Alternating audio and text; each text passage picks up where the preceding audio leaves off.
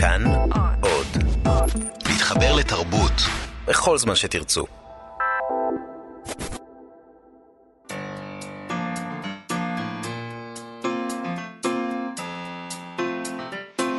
מה שכרוך עם יובל אביבי ומה יעשה לה.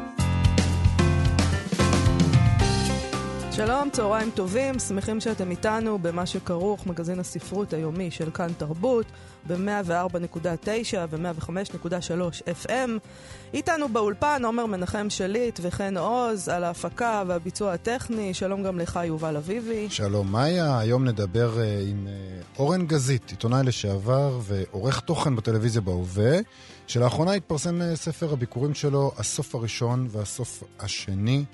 בהוצאת כנרת זמורה ביטן דביר. ספר מעניין, שבמרכזו ארבע דמויות שסגורות בבית אחד, בלית ברירה, ומטבע הדברים, זה מין, זה דבר כזה שעושים, סוגרים אנשים אה, אה, בסיטואציה לחוצה, בסיטואציה כזאת הביוב עולה למעלה, וזו אה, סיטואציה מעניינת, והוא עושה עוד כמה דברים מעניינים שאני מדבר איתו על זה.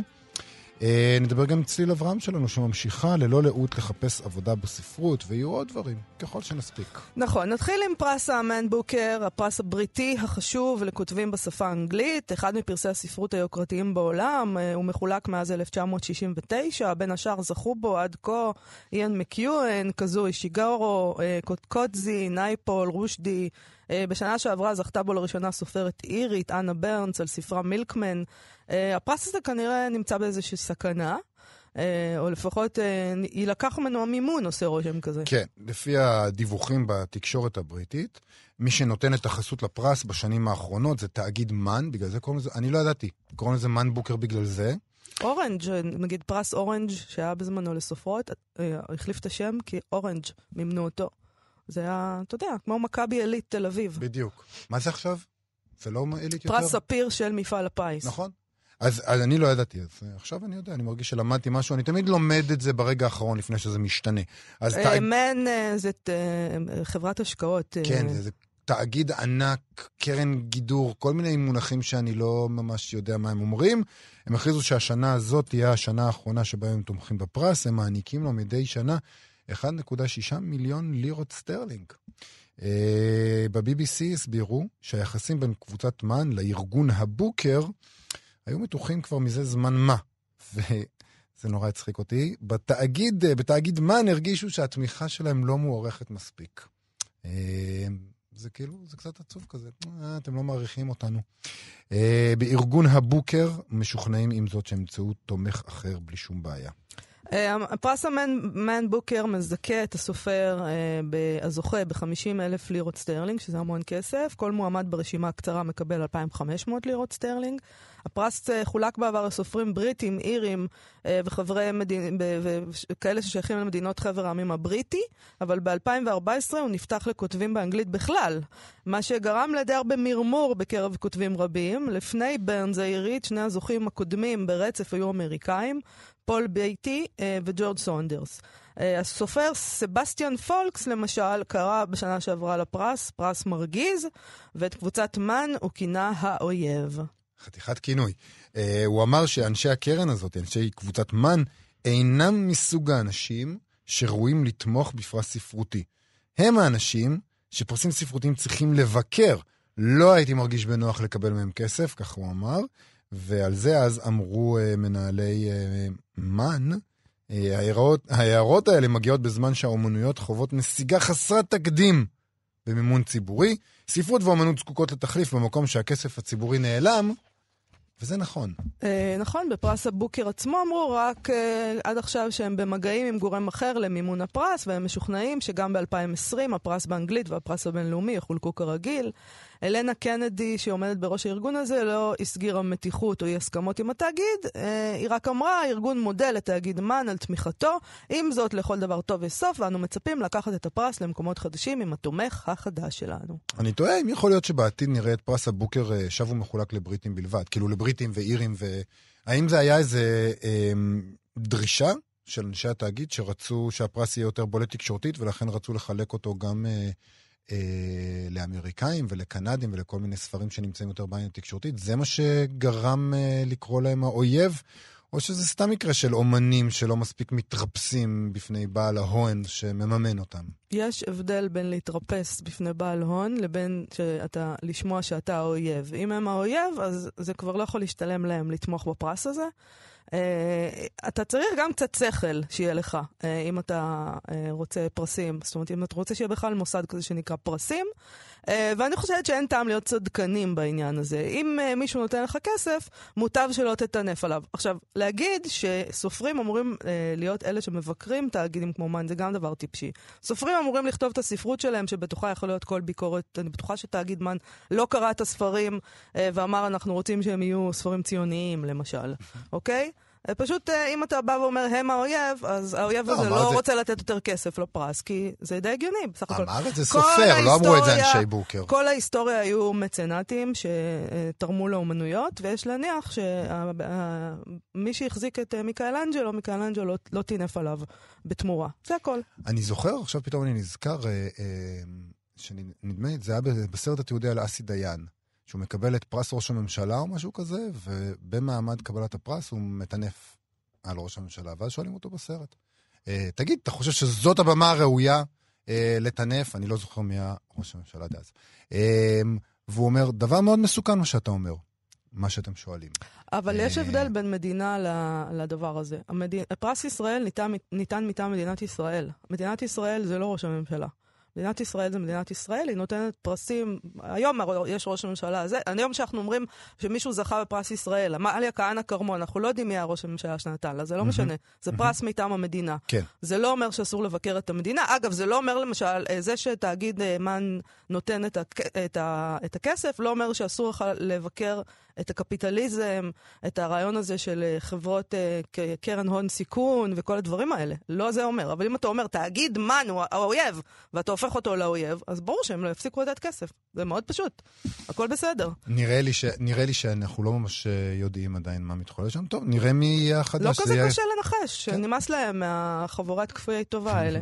זה בסדר גמור, אז לא תקבלו פרסים ותהיו אמיצים. וכאלה חכמים וכאלה אה, מהפכנים, וואו. הקטע הוא שב-BBC היה, אה, היה איזה מין טור פרשנות כזה, והם אמרו נרמז שם שלא כל כך ברור למה לאנשי הבוקר כל כך ברור מאליו שהם ימצאו אה, תומך חדש בזמנים שבהם אה, גם התמיכה של תאגידים באומנויות אה, פוחתת. כי נכון. גם הם מתחילים להבין שלא יוצא מזה שום דבר. לא יוצא מזה, גם, וגם לא כיף עם הסופרים. מילא היה להם אה, את, ה, את הגלם הזה להסתובב בחברת סופרים, והם היו יכולים ליהנות מזה איכשהו, אבל... אתה יודע, אבל אני מניחה, כפי שנשמעת לי זאת שמנהלת את הבוקר, זה נשמע שהיא כבר פשוט מצאה אה, מישהו. אז כן, תמיד יש איזה בעל הון שמוכן אה, שיטנפו עליו. כאילו... בשביל למרק את המצפון אולי. או מסיבות אחרות. למרק את המצפון עדיף לתת את הכסף לעניים. אה, יש איזה טריק כזה של הצבת, אה, טריק ספרותי, קולנועי, אה, במחזות, בכל מיני דברים, טריק של הצבת מספר דמויות בחלל סגור קטן, בנסיבות מלחיצות, וככה היוצר מבקש לראות את סיר הלחץ הזה מתפקע. זה דבר די שימושי ומוכר. אצל העיתונאי לשעבר ומנהל הדוקו-ריאליטי בערוץ 13 בהווה, אורן גזית, בספר הביכורים שלו, הסוף הראשון והסוף השני, הדרמה המשפחתית אה, הופכת מהר, ובאופן שאותי, אה, באופן אישי, הפתיע מאוד, למשל דיסטופי אה, על ישראל. מדובר על עתיד קרוב יחסית, שבו אה, ארבע דמויות סגורות בבית אחד, כיוון שמחבל מסתובב ברחובות, מדי פעם נשמע כל פיצוץ באירוע שמוגדר כאירוע מתגלגל, והן משחזרות את העבר שלהן ואת מערכות היחסים שלהן עם פגמים והבעיות וכל הסכלה שעולה למעלה. אה, וכיוון שהדמות הראשית היא אברהם, חזאי ופזמונאי, ועוד דמות משנית היא דליה, שהיא סוג של סמ... מעין זמ... זמרת סוג ב' שתמיד הייתה בשולי המאורעות התרבותיים בישראל, עלילה חושפת אה, ישראל עתידית לאומנית דתית, שבה נאמנות היא תרבות, שבה על כל בית חייב אה, על פי חוק להתנוסס דגל, והתסיסה המשפחתית הזאת מקיימת לצד איזה סוג של ריקבון לאומי. שלום אורן גזית. שלום, צהריים טובים. אה, ספר לנו אה, על ארבע, או בעצם חמש, חמש הדמויות שממלאות את הדירה הזאת ברומן שלך. אם, אם, לא, אם, מה, אם אתה לוקח בחשבון את עדינה? בדיוק. הבנתי. היא די דמות שם, לא? כן, בבקשה, כן. היא המושכת בחוטים. אמ, אברהם הוא המחזה הלאומי, הוא אהוב, הוא פופולרי, הוא עושה הכל כדי להישאר כזה גם בתרבות משתנה. אמ, הוא זוכה לתואר אה, אוצר לאומי על ידי הכנסת, והוא זה שכותב, אה, הוא בעל הבית והוא זה שכותב את, ה, את הסיפור. הבת שלו, דנה, בת ה-16, הם התייתמו מעדינה אה, כשהיא הייתה בת 10. ויש לה מערכת יחסים מאוד מאוד סבוכה עם אבא שלה, עם גיל ההתבגרות, עם עצמה, עם זה שהיא גדלה בבית שלא מדברים בו, באווירה נכה רגשית. ושהיא שומעת בעצם את המחשבות של אבא שלה מהדהדות דרך שירים של אחרים. יש את מגי, שהיא אימא של עדינה שמגיעה מאנגליה בעקבות מות ביתה כדי לעזור בגידול הנכדה. והיא דומה למגי שהיא... סמית.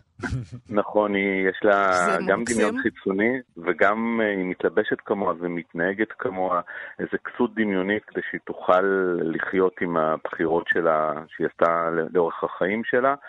יש את אה, דליה, אותה שחקנית וזמרת עבר, שנוקשת בדלת של אברהם ומבקשת ממנו שיכתוב לה שיר אחרון, כדי שהיא תוכל להמשיך ו- ו- ולהחיות את מה שנשאר מהקריירה שלה. היא אותו פרצוף מוכר מהלהקות הצבאיות של פעם, ש- שכמו שיובל הגדיר בשולי הדברים. ומעליהם מרחפת עדינה, אשתו המתה של אה, אברהם, זאת שלמעשה ניווטה את הבחירות שלו ואת הקריירה שלו, והייתה זאת שדחפה אותו ל- לקצה, גם האומנותי וגם ביחסים שלו עם אנשים. אבל ממה הספר הזה נולד? כאילו, באיזה... מה היה הגרעין שמתוכו הוא התחיל? הגרעין שמתוכו היה הפיגוע שהיה בדיזינגוף אם אתם זוכרים, את פיגוע הירי בדיזינגוף, שאחרי זה רמת אביב נסגרה, כן. כי חשבו שהמחבל אה, מסתובב, שלמעשה הוא היה כבר בצפון. זה מה שנתן לי את הרעיון לכתוב אה, על אותה משפחה כלואה. אמ, וגם אה, לפני 15 שנה הייתי עורך של יצפן בכבלים. והיו לנו המון המון המון אורחים בני הדור ההוא, הנשכח, זה אלה שלא הצליחו באמת לגדול ולהגיע לקריירה מפוארת. וזה תמיד נגע לי ללב, המקום הפריך הזה של, אה, של, ה, של מישהו שנורא נורא רוצה ולא יכול ולא מצליח. וזה זה, זה מחלחל כמו... כמו חומר מסרטן שם בדם. ויש שם, זה... יש הרבה רפרנסים uh, תרבותיים, אה, נכון. כי אנחנו מדברים פה על פזמונאי, הפזמונאי הלאומי, כזה נגיד, הייתי אומרת שהוא המקביל של אהוד מנור. כן, הוא גם מקנא בו. המתחרה שלו, הוא מקנא בו, גם נכון. אהוד מוזכר שם כאהוד, אבל אנחנו ישר מבינים אה, על מי מדובר, ויש שם כל מיני, אה, מעולם התרבות הישראלי, אה, התייחסויות לכל מיני דברים. נכון. שזה גם משהו, כאילו אולי תרבות מטה כזאת, שאתה עושה לה הומאז'. כן, זה התרבות של, אה, של הלהקות הצבאיות, שנתחיל משם, של הציונות ש, שהייתה חלק מהשירה, של מדינה ששרת עליה ומקומות שכיספת אליהם. אה, ואברהם הוא מדור ש, שחווה את יום כיפור של השבר, mm-hmm. של המקום התרבותי שהתחילו לכתוב אה, עם, על האני. והוא זה שנותן יד למה שקורה אחר כך, שעוד פעם התרבות והמדינה מתאחדות, הפעם במה אי אפשר להגיד, לא במה כדאי להגיד, אלא בסוג הביקורת שאתה לא יכול להגיד יותר, כי, אתה, כי יש עליה, על הביקורת הזו מחיר מאוד מאוד גבוה, והוא מוכן לשלם את זה, והוא מוכן uh, לתת יד ו... כדי להמשיך להיות אהוב. ופופולרי. זה בעצם ביקורת אה, לא, לא, לא מוסווית על אנשים, על יוצרים שרוצים, אה, ש, שמתקרנפים, שאומרים בסדר, כדי להיזכר, כדי להישאר, אה, אה, אני אסתום את הפה, או לחילופין, אני אעשה מה שאומרים לי. אני לא יודע אם זה ביקורת כמו שניסיתי לחקור איך זה מרגיש. Uh, היום uh, אומנים מובילים מפחדים להגיד את הדעות שלהם אם הם לא מתיישרות עם איזשהו קו מאוד מאוד ברור. כי המחיר הוא עליהום כלכלי ועליהום אה, רגשי מאוד מאוד גדול, וטוקבקים אלימים, והרבה פעמים גם יירוט אישי על ידי פוליטיקאים שמשתמשים בשם ולא בתופעה, ולא כל אחד מוכן או רוצה לשלם את המחיר הזה. אני לא... אני לא יכול להיות בנעליים שלהם. אני כן חושב שהבעיה הגדולה שהופכת מהפרטי זה הצנזורה העצמי. זה זה שאתה לא רק לא מדבר, אתה גם לא כותב. ו... והמקום הזה שאומנות מתחילה לצנזר את עצמה גם בתיאטרון וגם בקולנוע וגם ב... באומנות, כל אומנות מודרנית אחרת, הוא מקום שיכול להיות מאוד מאוד מסוכן, ו, וזה מקום ש, שאנחנו יכולים, לדעתי, בקלות להגיע אליו. אתה מנהל uh, מחלקת הדוקו-ריאליטי בערוץ 13 נכון. כרשת. Uh, נכון, זה רשת. נכון. Uh, עכשיו, אני, זה מאוד מעניין אותי, כי בד, אנחנו מרבים לדבר פה בתוכנית על הסיטואציה הזאת שבה היום uh, הכל עבר לטלוויזיה, הקהל עבר לטלוויזיה, uh, סופרים עוברים לכתוב לטלוויזיה, והנה אתה עושה פה מהלך הפוך. Uh, אתה, אתה עובד בטלוויזיה uh, וכתבת ספר. למה בעצם, למה לא כתבת סדרה? כאילו, למה בעצם ספר? המקום הזה, העלוב, שבו אין קוראים ואין קהל, ואתה יודע, מה פתאום? כי לכתוב סדרה זה להישאר באזורי הנוחות שלי. ודווקא המקום הזה המאוד אה, בודד של הלבד, של הלכתוב, של, ה, של הליצור בעצמך משהו שאתה לא... טלוויזיה זה עבודת צוות. בסוף יש כל כך הרבה אנשים שמשפיעים על, ה, על המוצר, וזה השחקן והבמאי וה, והתסריטאי והמפיק, והדרישות של הזכיין, שאני יודע כמה הן חמורות ו, ו, וקשוחות. וכאן זה כל כך בודד וכל כך אינטימי וכל כך אתה, וזו החוויה שרציתי ליצור ו... והתמסרתי אליה.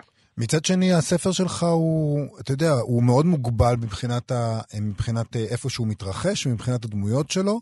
אפשר אפילו לומר שהוא ממש אה, נראה כמו, ממש קורא לעיבוד, אה, אולי אפילו למחזה, לבמה.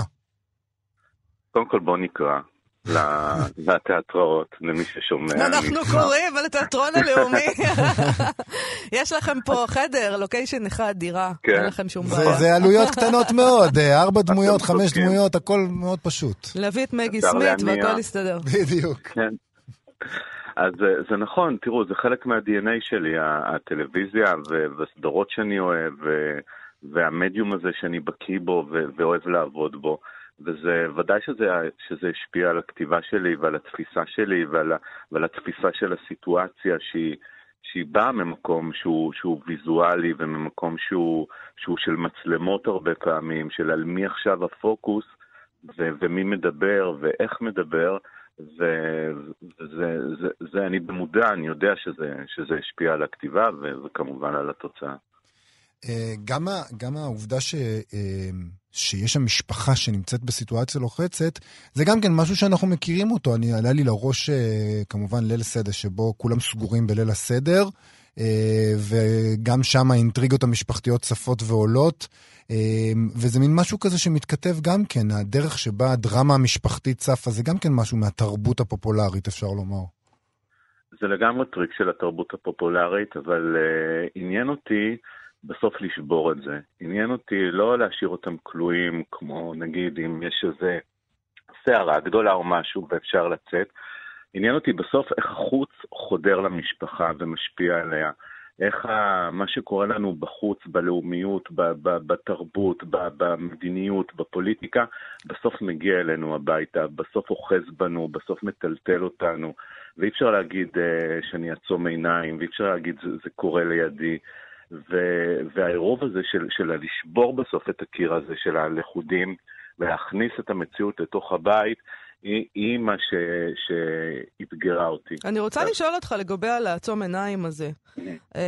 בתור מי שמתעסק בדוקו ריאליטי, אה, או, או ריאליטי, אה, אתה לא מרגיש שאתה קצת אשם בזה גם? אתם, אתה, לא, זה לא אישי, אבל אתם מטשטשים אותנו. בבקשה. אני אעלה לך בקלות על דברים שאני עושה, ו- ואני הייתי עורך אחראי של סדרה מדהימה שעשו אה, בדור וצופית גרנד, שנקראת קשר השתיקה, שבה mm. נכנסנו למקומות שלא דיברו עליהם, לכל הנושא של ניכור הורי, שהם כן. הצליחו להוביל לשינוי חוק, וכל בתי המשפט עכשיו מכירים את הנושא והמושג הזה. אמ, החברה החרדית ביבניאל, שהיא מוזנחת, שמתרחשים בה פשעים ואף אחד לא מטפל, והצלחנו להביא לשם את שר החינוך ואת הרווחה כדי לטפל במקום הזה. וכל הנושא של אה, תיקים שנסגרים, של התעללות מינית, שגם טיפלנו מול הפרקליטות והצלחנו לפתוח בתיק מחדש, שזה כל כך נדיר במקרים האלה. אז אני חושב שאני כן מתעסק ב, ולא עוצם עיניים במה שקורה פה. וזה חשוב, וזה חשוב להביא את זה למסך, וריאליטי זה אחלה, וריאליטי זה הלחם והחמאה של כל תחנה מסחרית בעולם, אבל לצד זה אני, אנחנו תמיד מביאים את הדברים הערכיים ואת הדברים ש, שנותנים את הערך המוסף והכי לא עוצמים עיניים. לקראת סיום רציתי לשאול אותך, זה בעצם לא הפעם הראשונה שאתה כותב פרוזה. נכון. בערך לפני 12 שנים כתבתי רומן, שלחתי להוצאות הספרים, אחת צמחה, והיו שתי פגישות. ואחרי שתי פגישות הודיעו לי שהם צריכים לרדת במספר הספרים המקוריים, ספרי הביקורים שהם אה, מוציאים, והחליטו לוותר עליי. Mm. ואני הייתי באבל של 12 שנה, של, של, של איך זה יכול להיות. היית מתקשר, היינו מסבירים לך שזה ככה זה, תתגבר ותתקדם. היינו 12 שנה, בדיוק. כן. לקח לי המון זמן אה, לתת לעצמי את הבעיטה הזאת. ולפני פחות משבוע היה לי את האומץ לפתוח את הקובץ הזה שוב. ו- ולקרוא אותו. ו- ואיך הוא? ו- יש בו המון דברים ילדותיים מאוד שהיום הייתי עושה אחרת, אבל יש בו נקודות יפות ש- שהייתי גאה בהן, גם במרחק הזמן. אתה יכול לספר לנו... אתה יכול לספר לנו על מה הספר? לחשוף? לא, זה מיותר. לא תעשה איתו כלום, אולי ת- תשחזר אותו. לא, לא נראה לי. אני עובד על הדבר הבא והוא שונה מאוד. הבנתי. אורן גזית, אה, תודה רבה לך שדיברת איתנו. הספר, הסוף הראשון והסוף השני יצא בהוצאת זמורה. תודה לך. איתנו באולפן, צליל אברהם, עם הפינה שלה, מחפשת עבודה. שלום לך, צליל אברהם. שלום, מאיה, שלום, יובל. שלום. על איזו יצירה אנחנו נדבר היום? היום נדבר על המוות, אה, על מנדל הקברן של אה, בשבי זינגר. המוות כעבודה. כן, סיפור נורא יפה. אמ, שמתחיל כמין סיפור בתוך סיפור, מספרת אותו דודה ינטל, דמות שחוזרת על עצמה אצל אה, בשבי זינגר, אמ, והיא פותחת את הסיפור במילים, לכל דבר אפשר להתרגל. ואז היא מסבירה, מילא אין פלא שמתרגלים לדברים טובים, כך מנקה ערובות, עשה אותו קיסר ויותר לא יהיה לו נאה להיות מיניסטר. כזהו טבע האדם. אמ, ואז היא אומרת, אבל אפשר גם להתרגל למשהו רע. אצלנו היה יהודי, מנדל הקברן, ככה קראו לו. והיא מתארת, מתארת בן אדם שחור, בלורית, ויפה קומה, וחכם, וזקנו סמיך, והוא טוב לב, וכולם אוהבים אותו, והיא שואלת, איך זה קורה שיהודי כזה יבחר לעצמו פרנסה כזאת? וזאת בעצם השאלה שחוזרת על עצמה כל הסיפור, כשמנדל שוב ושוב בוחר בעבודה הבזויה של להיות קברן.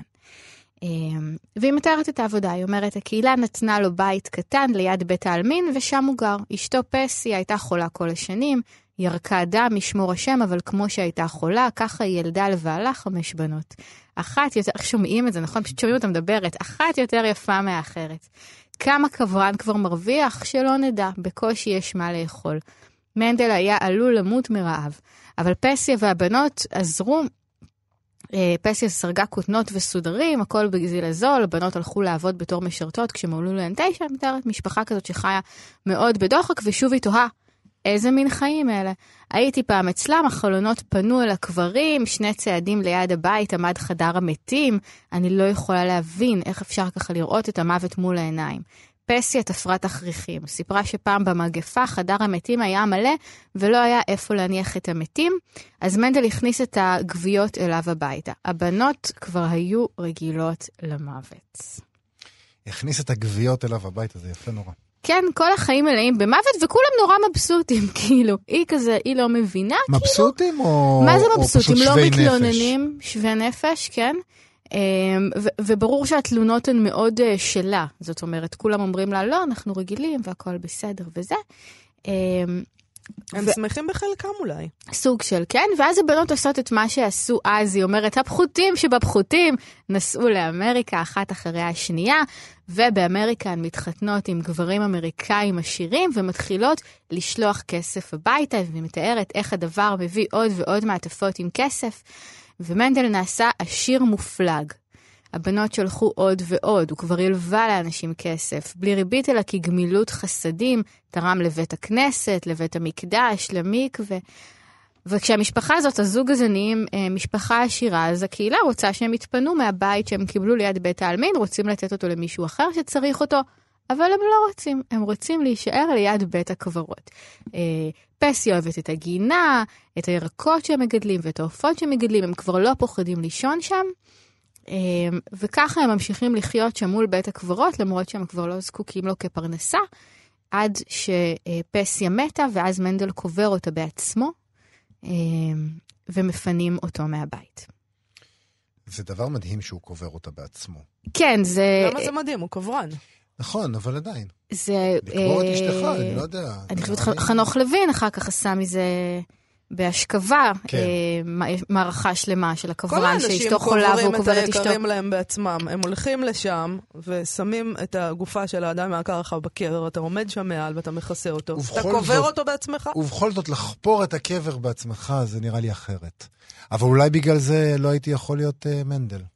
ובאמת זאת השאלה שכל הסיפור, מה, מה יש לבן אדם הזה ולמה הוא מתעקש לעשות את זה בעצמו, והיא ממשיכה לגולל את קורות החיים שלו, משטחים אותו לבתולה זקנה בת 26, זיסה ליתומה, נמוכה, שלומפרית, ולא יודעת לבשל, ואף אחד לא מבין למה הוא מתחתן איתה, אומרים, זה, אני מתה על הקללות יידיש האלה, הכלב הכי עלוב משיג את העצם הכי שמנה. היא הכלב כמובן, אה, והם חיים את חייהם העלובים ביחד למרות מחאות הציבור, עד שיום אחד פורצת מגפה בעיר. ישמור השם מה שהיה אז, חצי עיר מתה בתוך שבעה שבועות. בשוק צמח דשא. היום דיברת עם אדם בריא ושלם, ולמחרת הוא מת ואיננו. הרופא הפולני הורה לאכול ירקות טריים ולשתות מים רתוחים, אבל אנשים מתו גם ככה וגם ככה. הייתה רק תרופה אחת למי שנפל למשכב והתאווה מן המחלה, לשפשף ביין שבת. יין שרף. זה לא יין שבת? יין שרף? יש יין שרף. זה וודקה אבל זה כאילו, זה לא, זה אין של הקידוש, לא? יש. אה. יש. אוקיי. את הרגליים ואת הבטן, אבל מי יעשה את זה? כל מי שהתקרב אל חולה ונגע בו חטף גם הוא את העוויתות. דוקטור אובלובסקי כבר לא הסכים ללכת אל שום חולה, אבל זה עזר לו מעט מאוד. הוא התפגר ואשתו אחריו. ואז זה הרגע הגדול שהעיר למדה אה, איזה מנדל יש לה שם. אה, ומנדל הולך מבית לבית ומטפל בכל החולים, משפשף אותם באלכוהול, וכשמישהו מת הוא נושא אותו בעצמו לבית העלמין, החבר'ה קדישא כבר מתו כולם, ונשאר רק מנדל שנהיה גם הרופא וגם הקברן. אני חושב שזה הסיפור, שמי שמתיידד עם המוות לא ימות בעצמו. הוא נעשה מחוסן למחלה אה, הזאת. כן, אבל זה לא הסוף. לא. זאת אומרת, הוא, מתארים איך הוא מציל את כל, ה, את כל העיר, אמ, ואז גם אשתו השנייה מתה, אמ, והוא בסוף חייו בוחר לחזור להיות קברן, ובגיל 80 הוא חוזר לחיות בבית שמול בית העלמין, עד שהוא בעצמו חולה מאוד, ואז הוא חופר לעצמו את קברו שלו. יפה מאוד. קודם כל זה מושלם. זה פשוט מושלם, באמת, וזה גם נשמע נורא מקאברי, אבל, אבל זה, זה סיפור כאילו, אה, זה לא סיפור מדכא. נכון. כאילו, זה, זה, יש בו חיוך כזה, ויש בו מין תיאור נורא כזה של, כאילו מין את האווירה הזאת של באמת איזה דוד זקן שיושב ומספר לך, או איזה סבא מין כזה, זה החיים, כאילו, מי שחי חי, מי שמת מת, וזה עובר נורא בנעימים כל העלילה הזאת, שעכשיו, כשאני מספרת אותה, היא נשמעת איומה, איומה ונורא. ונורית. כן, חיים לא משהו. ואז אתה אומר, אוקיי, אז למה באמת? למה, למה הוא בוחר בחיים האלה כל הזמן? מה, מה הסיפור של הבן אדם החכם והחתיך הזה שבוחר לחיות מול בית הקברות? אה, וזה מחזיר למשפט הראשון בסיפור בעצם, שהיא אומרת אה, שאנשים מתרגלים לכל דבר. כן, והוא לא התרגל לזה כל כך. לא בוודאי שהוא התרגל לזה. לא היה צריך להתרגל לזה, זה היה התשוקה שלו מלכתחילה. אני לא, לא חושבת שזאת הייתה התשוקה שלו. מה היא אומרת בעצם? היא אומרת לכל דבר אפשר להתרגל, כלומר ברגע שאנחנו מתרגלים למשהו טוב, לתפקיד בכיר, לרמת חיים כלשהי, ל... לא יודעת, לנניח אישה יפה, אם הולכים לעולם של הסיפור הזה, מאוד מאוד קשה לנו לחזור אחורה. מאוד. קשה לרדת למטה. יש לנו כאילו... גם הרבה מה לאבד. כן, ו- ואתה כאילו מתאהב בדבר הזה ש- שרכשת, ואתה לא מסוגל כבר לוותר עליו, ואתה לא מסוגל לדמיין את החיים שלך בלעדיו, למרות שחיית כל חייך בלעדיו. נכון. אבל בסופו של דבר, כולם עוברים את השנמוך הזה. אם הם לא מאבדים במהלך חייהם את מה שהם השיגו, אז הם עוברים את זה כשהם מתים. ומה זה יהירות בעצם? כאילו, יהירות זה לשכוח שאתה... זה לשכוח שאתה בן תמותה, לחשוב שאתה כמו אלוהים. לשכוח שבסוף גם אתה תאבד הכל ותמות לבד. ומנדל לא מתרגל לשום דבר שהוא מעבר לנקודה הבסיסית הזאת של מעפר באת ולעפר תשוב. הוא נשאר כל החיים מול הבית קברות כדי לא לשכוח את המוות, וכדי לא להתרגל למשהו שהוא יותר טוב מזה. אמ, יכול להיות, ויכול להיות שבאמת אה, זה מה שהוא אהב לעשות, ויש את העניין הזה של התקרבות למוות כאיזו תשוקה. זאת אומרת, הספר, הסיפור, יש בו, כמו שהקראת בהתחלה, יש בו עניין כזה של דיכוטומיות, לעשות סתירות. זאת אומרת, אם, אם, אם, ירקה דם, ישמור השם, אבל כמה שהייתה חולה, ככה ילדה לבעלה אה, חמש אה, בנות. כן. אה, אה, הדרך של, הם היו עניים, אבל הם, הם היו משרתות והיא תפרה, אז היה להם בסדר. זאת אומרת, זה משחק הרבה על הדיכוטומיות האלה, כי כמובן זה איזשהו רפרנס לדיכוטומיה גדולה של חיים ומוות. שאנחנו יודעים שאנחנו הולכים למות, ועדיין אנחנו נכון. קמים בבוקר איכשהו. ואני חושב שיכול להיות שאפשר לפרש גם את הפתיחה כאיזה סוג, אה, סוג של מהטלה כזאת. לכל דבר אפשר להתרגל, חוץ מהדבר הזה שאי אפשר להתרגל אליו, שזה באמת המוות. אבל לא, מתרגלים אליו, אתה לא מתרגל אליו. בסופו של דבר... הנה, לפני השידור דיברנו על אה, איזשהו בן אדם שקראנו דברים שהוא כתב באינטרנט, והוא מת פתאום. והצטערנו על זה מאוד חמש דקות, מאוד. בגיל צעיר מאוד ובלי שום, כאילו באופן פתאומי לחלוטין, הצטערנו על זה מאוד, שמנו אוזניות והמשכנו לשדר, ברור שמתרגלים למוות. אנחנו מתרגלים למוות, כן. ש... אה, אבל למוות שלך אתה לא יכול להתרגל. כי, את... כי אתה מת כאילו? כי אתה מת. ואתה יכול אפילו לקבור לעצמך את הקבר, ואתה יכול לקבור, לחפור את הקבר של אשתך. אבל הדיכוטומיה הזאת של החיים והמוות זו דיכוטומיה שבלתי ניתנת להתרגלות. אתה יכול ללון ליד בית הקברות כל חייך ולאהוב את זה ולחזור לזה, ולהיות חסין מהמוות לתקופה מסוימת, עד שבסוף הוא משיג אותך. וזה, וזה בסדר, אני חושב אבל ש... אבל משיג אותך, בוא, זה לא קשור ללהתרגל. כלומר, זה שמשיג אותך במובן הזה שזה שבסוף כולם ימותו, זה דבר אחד. אתה יכול להיות אדם, אה, זה, מנדל בעיניי הוא קצת בודהיסט. Uh, הוא, הוא מבין את הדבר הזה, שהכל משתנה ומתים, והוא לא מתרגש מהדבר הזה כמו שהם מתרגשים מזה בתרבות המערב. השאלה אם זה אפשרי. יש במפה וטריטוריה של וולבק. בודהיסטים חיים ככה. יש קטע שהבלש שם, כדי להתרגל לזה שהוא מתמודד עם המוות באופן יומיומי, כחוקר מקרה מוות, הוא נוסע למזרח, ושם הוא משכנע איזשהו אה, מורה לתת לו לעשות את המדיטציה שהם בכלל לא נותנים למערביים לעשות, לשבת ולראות גופה נרכבת במשך שבועות, בחדר, את כל התולעים ואת הכל. כן. וזה עובד, זה פותר לו את הסיפור הזה, והוא מתרגל לחיות ליד המוות. בבקשה. נשמע פתרון... נשמע כמו מנדל. אה... פתרון אה, חינני. נשמע כמו משהו, אני חושבת ש, שדתות, או, או שמנסים להתמודד איתו, או, או יש איזה ניסיון רוחני, אנושי, אה, אה, תמידי. לא, ללמוד לחיות איתו. כשמספרים לנו את הסיפור של העולם הבא, זה גם ניסיון להתמודד עם זה, זה להגיד לך, אוקיי, את, זה, את, את, את, המוות הוא לא הסוף. את הולכת למקום טוב יותר אם תהיי בעם טוב, כלומר. אבל זה אי ההתרגלות. זה להגיד אנחנו לא נפסיק, גם כשנפסיק אנחנו לא נפסיק, זה בדיוק מה שמוכיח את אי ההתרגלות. ואני חושב שהדמות של אה, מנדל היא מעל הדבר הזה באמת, זאת אומרת... כי הוא כן מצליח להתרגל, הוא מצליח להתרגל, הוא לא מצליח להתרגל. אני חושב שהסתירה היא מובנית, הסתירה היא מובנית בתוך הסיפור הזה, כמו, ש... כמו שיש את הסתירות הקטנות האלה. הסתירה היא מובנית, זה בן אדם שמתרגל כל החיים שלו למוות עד שהוא מת.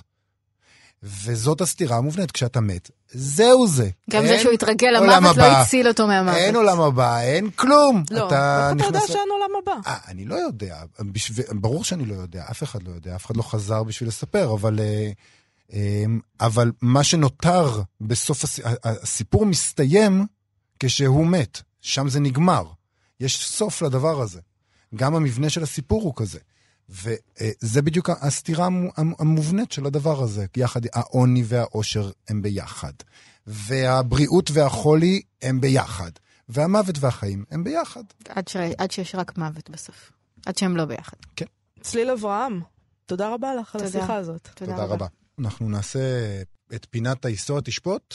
נחזור היום לביקורות שנכתבו על ספרו הראשון של מי שזכה בפרס ספיר בשבוע שעבר, אתגר קרת, אה, כשפורסם ספרו הראשון צינורות ב-92. אה, אנחנו מדברים אה, על זה שהממסד הספרותי לא תמיד ידע איך לקבל את קרת ולא הכיר, נגיד, בהישגיו הספרותיים, אבל בהתחלה ממש, אולי כשהוא לא נהיה גדול מאוד וזה התחיל להפריע לאנשים בעין, הביקורות, היו ביקורות טובות שגם... שגם כלאו ככה טוב למה שהוא ניסה לעשות ומה שהתברר שהוא מנסה לעשות בספרים הבאים שלו. אה, למשל, יהודית אוריאן כתבה בידיעות, אה, אתגר קרת סימם אותי באנרכיזם הפרוע. במקצוע שלנו, כמה, רגע, כמה רגעים עליזים יש? תמיד מחפשים פואטיקה. היא כותבת שקשה להגדיר את הוריו ואת ייחוסו של קרת, אה, מתכוונת לייחוס ספרותי, וגם קשה להגדיר בדיוק את הקטגוריה. העיקר, קרת החזיר אה, לסיפורת הפואנטה את כבודה האבוד. הכתיבה מרעננת מאוד ואחרת מאוד. היא מסבירה שאצל קרת האבסורד הוא רק בטכניקה, לא במסר. כאן מופיע האבסורד במובנו הראשוני ביותר, כמנוגד לצפוי, למסתבר, למתקבל על הדעת. הוא מתרחש בניגוד גמור לחוקי המציאות השפויה. יש גמדים, יש שדים קונדסים. קרת הולך במחוזות סהרוריים שבהם מותר לדמיון להתפרע, ואם זה ההתפרעות שלו גדורה היטב בסייגים של הטעם הטוב. בתוך המופקרות הזו אין שרירותיות ואין סתם. כל קפריזה דמיונית מוברגת היטב ויש לה היגיון משלה שמחזיק את התכלית הסיפורית. היא גם כותבת שם שכאן אפשר סוף סוף להפסיק את הדיכוטומיה המעצבנת שאנחנו גוררים מאז ספרות תש"ח, ההבחנה בין ספרות האנחנו לספרות האני. כל סיפוריו עוסקים באני החריג והאקצנטרי במידה כזו של שכנוע, עד שהוא נעשה בעצם לקבוצה המרכזית והמגובשת של שנות התשעים, שזה אולי איזה פינוק ככה נוסף למי שטוען שקרת לא חשוב מספיק בספרות העברית. מהלך די גדול מה שהיא מייחסת לו. במעריב כתב עדי אופיר שהתמטיזציה של המנגנון הפואטי מתרחשת בד בבד עם הקונקרטיזציה של הכאב, בלי שקרת תצטרך לומר מילה אחת מיותרת, לא על זה ולא על זה. הכאב זועק מבפנים, אבל על הכאב אף מילה. הניתוק מן העולם הרגישי מתגלגל בסיפורים על ניכור גמור מהעולם החיצוני. הוא כותב שקרת לא מניח לגיבוריו להיות בשר ודם, לצעוק בבכי, לראות בתשוקה ובזעם, להיחנק ברגשות אשם כשהם הורגים, ושפגיעות עצומה מתבטאת בפעולת ההשתקה המסוגננת הזו, חרדה וכאב פוצע, שהאינטראקציות האבסורדיות, האבסורדיות של הדמויות עם סביבתן מתוות במדויק את מסלולי הסריטה שלו. אה, עדי אופיר מסביר שרזונם וחסכנותם של סיפוריו, השפה הסינתטית שעיצב, כל אלה מסייעים לו להפוך את הפואנטה לפוצעת, ולקורא שנדקר לגלות עד כמה מורכב ומרובה רבדים היה הסיפור הפשוט שקרה. זה די מדהים לקרוא את הביקורת הזאת היום. אה, כשאנחנו כל הזמן אה, רואים אנשים שעדיין קוראים את קרת על פני השטח, שרואים בסיפורים שלו משהו שמתרחש אך ורק על פני השטח, שחושבים שהסיפורים שלו הם דחקה. אמ, אני חושב שזה די, די מדויק מה שעדי עופר כותב בעיניי. אה, היו גם ביקורות פחות טובות, אמ, חייבים לציין גם את זה. בעיתון 77 שאלה אה, רחלי דנה פרוכטר, מה מצאה הסדרה הלבנה להוציא קובץ סיפורים קצרצרים של אתגר קרת בין ה-22? האם היא מתחרה בסדרה של אילנה המרמן, פרוזה אחרת באותה הוצאה? כי אתגר קרת יושב טוב מאוד בהגדרה של פרוזה אחרת. זהו הצידוק היותר חזק להוציא לאור את קובץ הסיפורים. כלומר, רק העובדה שהוא עושה משהו שונה. אמ, היא התקשתה לעכל את הספר, היא חשבה שהסיפורים הם חלק מאיזה שלם, חוליה מתוך פאזל גדול ורחב יותר, שעדיין לא נכתב. חיבור כל החלקים האלה, היא טענה, אינו נותן פאזל שוטף, אחיד, ברור. אה, מצד שני, היא כותבת גם שצינורות הוא לא תמים כלל וכלל, אלא מנסה להתחכם, לעסוק גם בארצי ובצבאי ובבית ספר ובמה שברומו של עולם, בקנאת סופרים ובתרגום, בפואטיקה ובסמנטיקה. הפאזל של קרת מנסה גם להחליף צבעים, גם ליצור תמונות עומק וגם לתת אשליה על, של על פני השטח. הקריאה בצינורות, בצינורות מעלה חיוך. שזה, אה, יכול להיות שאפשר לקרוא את הדברים האלה בתור אה, שלילה, כן? אבל uh, בעיניי יש בזה משהו מאוד מאוד מדויק, הוא מנסה לעשות הרבה דברים ולבלבל אותך. Uh, אבל היא, כנראה כתבה את זה בצורה לא כל כך חיובית, כי כאילו בסופו של דבר היא מסיימת בטענה שמשהו חסר בקובץ הזה, משהו שיאחד אותו לשלמות. אה, הביקורת השלילית ביותר נכתבה, שנכתבה עליו פורסמה בהארץ, כתב אותה אלון גייר. הוא טען כך, בסיפור ה-35 בקובץ אה, קרת מכנה את עצמו במרומז עוד פוסט-מודרניסט עלום שם שכותב עליו סיפור גרוע. ראוי לומר כבר בהתחלה שהצדק איתו. הוא סבור שבקובץ יש תמונת עולם של ניהליזם רופס, ובטרמינולוגיה של קרת עצמו, ניהיליזם של חנונות. לא יודעת מה זה אומר חנונות, אבל בסדר. חנונות זה כאילו ציטוט אה, מקרת עצמו, שכאילו חנונים אבל בשגיאה כזאת. שגיאה חיננית. Uh, הוא כותב שם בביקורת הזאת שלפי צווי הניהיליזם, uh, כל מי שמקרין ערכיות נשחט לפי מטר. שפע הפורנוגרפיה, קלישאות, סגנון הוידאו קליפ אינם מצליחים לחפות על דלותה של השפה. אין זו שפה רזה, הוא כותב, זו שפה עילגת של תלמידי תיכון שעולמם התרבותי מבוסס על חוברות פטריק קים. אני טועה אם ב-92 עוד היו אנשים שכאילו פטריק קים היה איזה רפרנס בשבילם, אני לא, לא בטוח. אה, נשאלת השאלה, הוא ממשיך, מדוע הוצאת ספרים כעם עובד מוציאה לאור ספר שהיה הולם את הוצאת רמדור, זו שהתמחתה בסיפורי פטריק קים וסיפורי אימה. אה, והוא מסיים אה, במשפט, אם זו הסיפורת הצפויה לנו בעתיד, הלוואי ותיפול עלינו אה, זיק... זקנה מופלגת וטולרנטית. זה נשמע כאילו הוא כבר היה אז זקן מופלג וטולרנטי למדעים. Mm. טוב, אני חושבת שהגיע זמננו לסיים. בהחלט. אז נסיים. נסיים. נזכיר לכם לחפש את כאן אודי בחנויות האפליקציות, לבקר בעמוד הפייסבוק שלנו, מה שכרוך עם יובל אביבי ומה יעשה לה. נודה לעומר מנחם שליט ולחן עוז, ונגיד שאחרינו, המעבדה עם גיל מרקוביץ'. אנחנו נהיה כאן שוב מחר.